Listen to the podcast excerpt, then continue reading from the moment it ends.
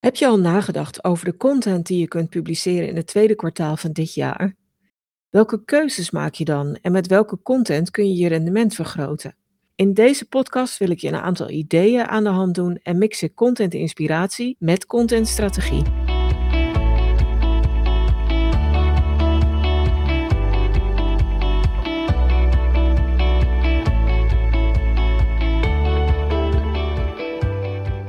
Misschien werk je met een contentplan en een contentkalender voor een heel jaar en heb je 2022 al helemaal in kaart gebracht.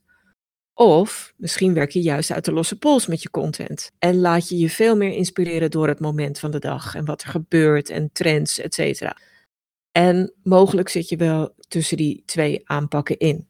Nou, hoe dan ook is het altijd goed om aan het begin of vlak voor een nieuw kwartaal te kijken hoe je strategisch en toch heel creatief en geïnspireerd kunt opereren met je content. Of je nu naar je bestaande contentplan kijkt om die nog eens een keer kritisch door te nemen, of dat je zegt van hé, hey, ik heb nu gewoon nog een hele lege kalender voor me voor de komende maanden en die moet ik echt even goed gaan invullen. Nou, wat, wat kunnen dan je uitgangspunten zijn? En laat ik daarmee beginnen met de meer strategische content, of misschien beter gezegd, een strategische aanpak van die content. Dan adviseer ik je altijd om eerst naar je zakelijke doelen te kijken. Wat staat er bij jou in de planning voor het tweede kwartaal? Welke evenementen zijn er, gebeurtenissen, producten, diensten? Wat moet er nou in het tweede kwartaal in de etalage en in de spotlight staan? Wat ook handig is, is om toch al even iets verder vooruit te kijken en ook naar het derde kwartaal te kijken. Want welke aanzet of warmmakers zijn nodig om je doelgroep en publiek in dat kwartaal vast kennis te maken met de dingen die dan belangrijk zijn? En daar hoef je niet heel veel mee te doen, maar sommige dingen hebben gewoon een langere aanloop nodig. En dan is het handig om al wel vast die blik vooruit te hebben, zodat je echt die aanlooptijd ook optimaal kan benutten. Dus dat is één ding wat je met strategische content of strategische inzet van content zou kunnen doen. Het tweede wat ik je echt kan aanraden is om even goed te kijken naar je analytics en naar je Google Search Console. En dan zijn er twee dingen die er voor mij altijd bovenuit springen en die hoeven niet heel veel tijd te kosten. Het eerste is dat je kijkt welke pagina's het al goed doen qua aantallen bezoekers en qua bezoekduur. En ook of ze al op een goede positie in de zoekresultaten staan. En als, als die resultaten op zich oké zijn, kun je daar dan op voortbeduren, bijvoorbeeld door die content een actuele update te geven, of door er een aanvullend blog bij te maken. Maar ook door te kijken door de dingen die niet goed gaan, zijn er misschien pagina's die niet of nauwelijks bezocht worden. En kun je daar een oorzaak uit vinden? Of zijn er pagina's waar eigenlijk iedereen weggaat zonder dat ze een aanvullende actie hebben genomen?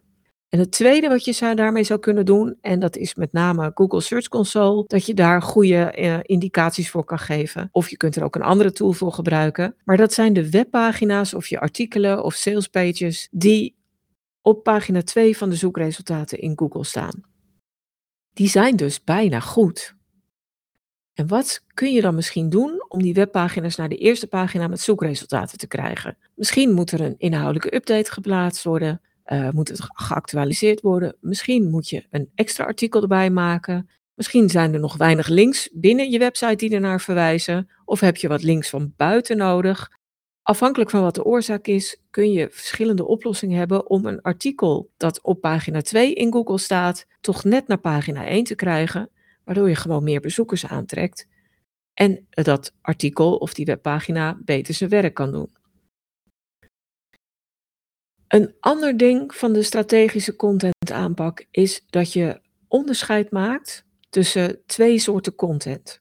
De eerste is content die heel erg geschikt is om mensen op een positieve manier kennis te laten maken.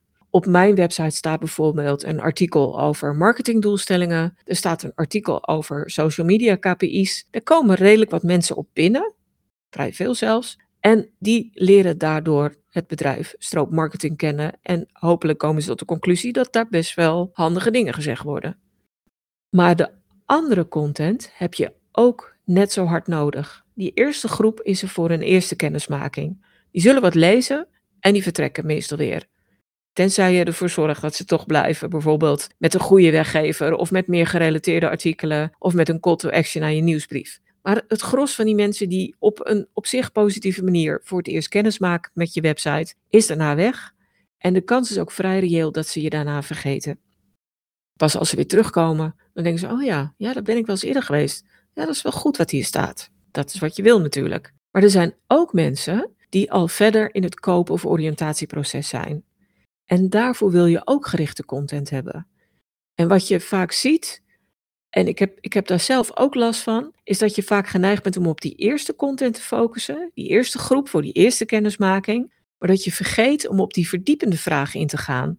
En er hoeven maar een paar mensen te zijn die met die verdiepende vraag worstelen, verdiepend omdat ze al verder in dat hele koopproces zijn. En al zijn het maar een paar mensen dus, dat zijn wel de mensen die uiteindelijk zorgen voor het rendement en voor de omzet van je bedrijf. Dus op zich heb je beide soorten content nodig om resultaten te boeken. En het is altijd goed om te kijken van oké, wat heb ik nu in mijn planning zo meteen staan? En wat valt er in die eerste categorie? Maar heb ik ook zeker weten dingen die in die tweede categorie vallen, zodat die mensen die ook verder in het proces zijn, ook bij mij uitkomen en daar ook goede antwoorden, goede ideeën, suggesties of advies vinden. En tenslotte, als onderdeel van die meer strategische aanpak, is het slim om naar je content mix te kijken. Kijk dan of je niet alleen maar informerend en educatief bezig bent, maar probeer ook om zogenaamde helpende content te maken. En dat is meer gidsende content waarbij je mensen echt als het ware de weg laat zien naar een beter resultaat. Informerende educatieve content is vaak kennis delen en helpende content is veel meer hoe-doe content, maar dat kan ook een vak op je website zijn, et cetera. Maar dat zijn twee vormen van rationele content. En wat je dan nog mist, is meer de emotionele content. En die kan op zich ook weer uit twee componenten bestaan, namelijk inspirerende en entertainende content. Nou is het maken van entertainende content behoorlijk lastig en ook echt niet voor ieder bedrijf even passend of haalbaar. Dus het is vaak gemakkelijker om je op die inspirerende content te richten en te zorgen dat die de informerende, educatieve content afwisselt. Inspireren doe je met quotes, met uitspraken, met memes, met gifjes, met leuke video's, dingen die een beetje verstrooiing brengen. Maar het kan ook iets serieuzere content zijn, bijvoorbeeld dingen over jou, of over het bedrijf, of over het team. Het kunnen blikken achter de schermen zijn. En ik zei net wel serieuzer. Maar dat kun je natuurlijk nog steeds op een hele leuke, luchtige en spontane manier brengen. En de grap is dat onder inspirerende content, daar kun je ook je sales content onder laten vallen. Want het is natuurlijk heel erg belangrijk om ook altijd onder de aandacht te brengen wat nou het aanbod bij jou is. Dus je kunt ook op inspirerende manieren dingen over je producten en diensten vertellen. Bijvoorbeeld door voordelen of resultaten eventjes uit te lichten. Of geef klanten het podium om daar iets over te delen met bijvoorbeeld testimonials of met korte citaten uit die testimonials, want dat is vaak wat makkelijker te verteren. En inspirerende content is ook vaak visueler, dus het is fijn om daar veel meer met afbeeldingen en met video te werken. Of met geanimeerde afbeeldingen of met carousels. Nou, noem maar op. Er zijn zoveel formats voor die je daarbij kunnen helpen. Dus probeer niet alleen maar te rationeel bezig te zijn, maar probeer ook die emotionele content een plekje te geven. En als je dan op zoek bent naar inspiratie, dan kan een inhaakkalender je echt heel erg helpen. Want een inhaakkalender heeft allerlei mogelijkheden als het goed is. En een deel van die mogelijkheden zal ook voor jouw doelgroep, jouw publiek relevant zijn. Ik zal een link in de show notes zetten naar de inhaakkalender op stroop.nl. Daarin heb ik namelijk niet alleen maar de leuke, grappige dagen gepland uh, of, of, opgenomen. Sommige heb ik zelfs heel bewust weggehaald. Omdat ik dacht van, ik wil een inhaakkalender die wel de speciale dagen doet, die natuurlijk ook de vakanties en de feestdagen eventjes voor je op een rij zet, maar die dan nog net iets meer zakelijke aanknopingspunten biedt, bijvoorbeeld door belangrijke evenementen te, te noteren, maar ook door vakgerelateerde beurzen op te nemen. Dan heb je nog iets makkelijker een haakje.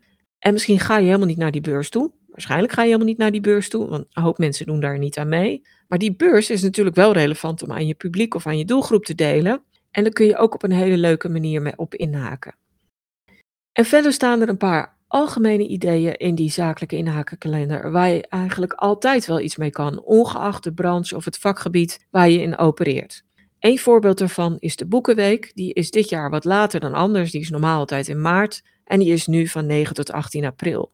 Daar kun je natuurlijk heel goed op inspelen door bepaalde boeken zelf aan te raden aan je doelgroep. Of draai het om en vraag je publiek om hun boekentips te delen.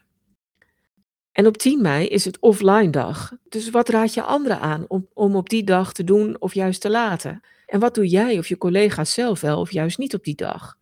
Daar kun je vast wel iets mee. En in juni heb je nog zowel Caps Lock Day als Social Media Day. En ook daar kan bijna ieder bedrijf wel een passende inhaker bij verzinnen. Maar ik zei het al, in mijn inhaakkalender en in sommige andere inhaakkalenders misschien ook wel, zitten ook dagen die meer branche- of vakspecifiek zijn. En dat geldt natuurlijk ook voor de grappige, gimmick-achtige dagen. Als je het iets hebt over gezonde voetendag of Happy Feet Day, dat is dan iets meer gimmick-achtig. En dan is dat voor een specifieke branche relevant, maar voor de meeste is het vrij lastig om daar een mooie inhaker op te maken. En hoewel die vakspecifieke inhaakmogelijkheden dus per vak of branche altijd verschillen, kun je, als je die momenten ziet, ze altijd wel op verschillende manieren gebruiken. En ik heb daar wat tips voor. Bijvoorbeeld, een van die tips is dat je kijkt of je een inhaakmogelijkheid concreet kunt koppelen aan een product of een dienst. Dat is natuurlijk snel rendement. Bijvoorbeeld door een onderwerp van dat moment of een beurs of een ander evenement te gebruiken om een specifiek product of dienst onder de aandacht te brengen. En dat kun je vergezeld laten gaan van een aanbieding, maar dat hoeft natuurlijk niet. Een andere optie die je hebt is om zo'n inhaakmoment te koppelen aan een interesse van jouzelf als ondernemer of eh, directeur achter een bedrijf. Of aan iemand van het team, van de collega's. En daarmee vertel je meer over jezelf of over het bedrijf en waar het bedrijf voor staat, of waar jullie met z'n allen voor staan. Een derde optie die je hebt met zo'n vakspecifieke inhaakmogelijkheid is om zo'n vakmoment te koppelen aan bepaalde content die je hebt. En dat kan van alles zijn, dat kan een artikel, een blog of een podcast zijn. En als je dat een stap verder doortrekt, dan zou je zelfs, als het echt een heel goed matchende inhaker is, iets kunnen delen wat je normaal gesproken pas toegankelijk maakt nadat iemand zijn naam en e-mailadres heeft achtergelaten, maar dat je nu eenmalig voor iedereen ontsluit. Het komt heel genereus over en het matcht hopelijk ook heel goed. Dus dat is een mooie optie. Mocht je meer praktische tips willen over het gebruik van een inhaakkalender en hoe je daar veel meer rendement uit haalt, dan kun je eventueel nog luisteren naar podcast 36. Die gaat helemaal over de inzet van inhaakkalenders in je marketing en hoe je daar goed gebruik van maakt. Dus ik, ik hoop je hiermee wat meer strategische en meer inspirerende ideeën aan de hand te hebben gedaan, waarmee je met je content aan de slag kan voor het komende kwartaal en misschien al voor het stukje kwartaal erop. Kijk dan nog een keer naar je bestaande contentplanning als je die hebt, om te zien of je daar iets aan wil passen of bijsturen. Of vul hem nu helemaal voor de komende drie maanden in. En dat kan ook echt heel goed op hoofdlijnen. Ik hou er bijvoorbeeld zelf helemaal niet van om een contentplan echt helemaal in beton te gieten. En in mijn ogen werkt dat ook vaak contraproductief. Maar juist als je het dan redelijk op hoofdlijn hebt vastgelegd, dan geeft dat rust, overzicht en echte focus op alle dingen die belangrijk zijn, zodat je weet dat je niets vergeet en geen kanten mist. En probeer bij die contentplanning dan twee petten op te zetten. Een strategische pet, waarbij je kijkt naar je zakelijke doelen en naar wat er goed werkt en wat er nog mist of iets waar iets verbeterd moet worden. Maar zet zeker ook die inspiratiepet op, waarbij je luchtige content deelt die echt inspireert, maar die ook je sales helpt. Bijvoorbeeld door goede inhaakmomenten te benutten. Zo creëer je een contentplan dat uiteindelijk een gevarieerde mix heeft van verschillende boodschappen en achtergronden en bereik je daar het meeste mee. Dankjewel voor het luisteren. Voel je zeker vrij om deze aflevering van de Content Divas podcast met anderen te delen als je denkt dat dit van pas kan komen. En heb je zelf een handige tip of inzicht opgedaan met deze aflevering, dan hoop ik dat je een review wil achterlaten. Heb je nog meer vragen? Zoek je meer informatie? Neem dan zeker een kijkje op de website. Die vind je op stroop.nl met dubbel S. En daar vind je natuurlijk ook die handige content kennisbank waar je allerlei gratis checklists, stappenplannen, handleidingen en nog veel meer kunt vinden.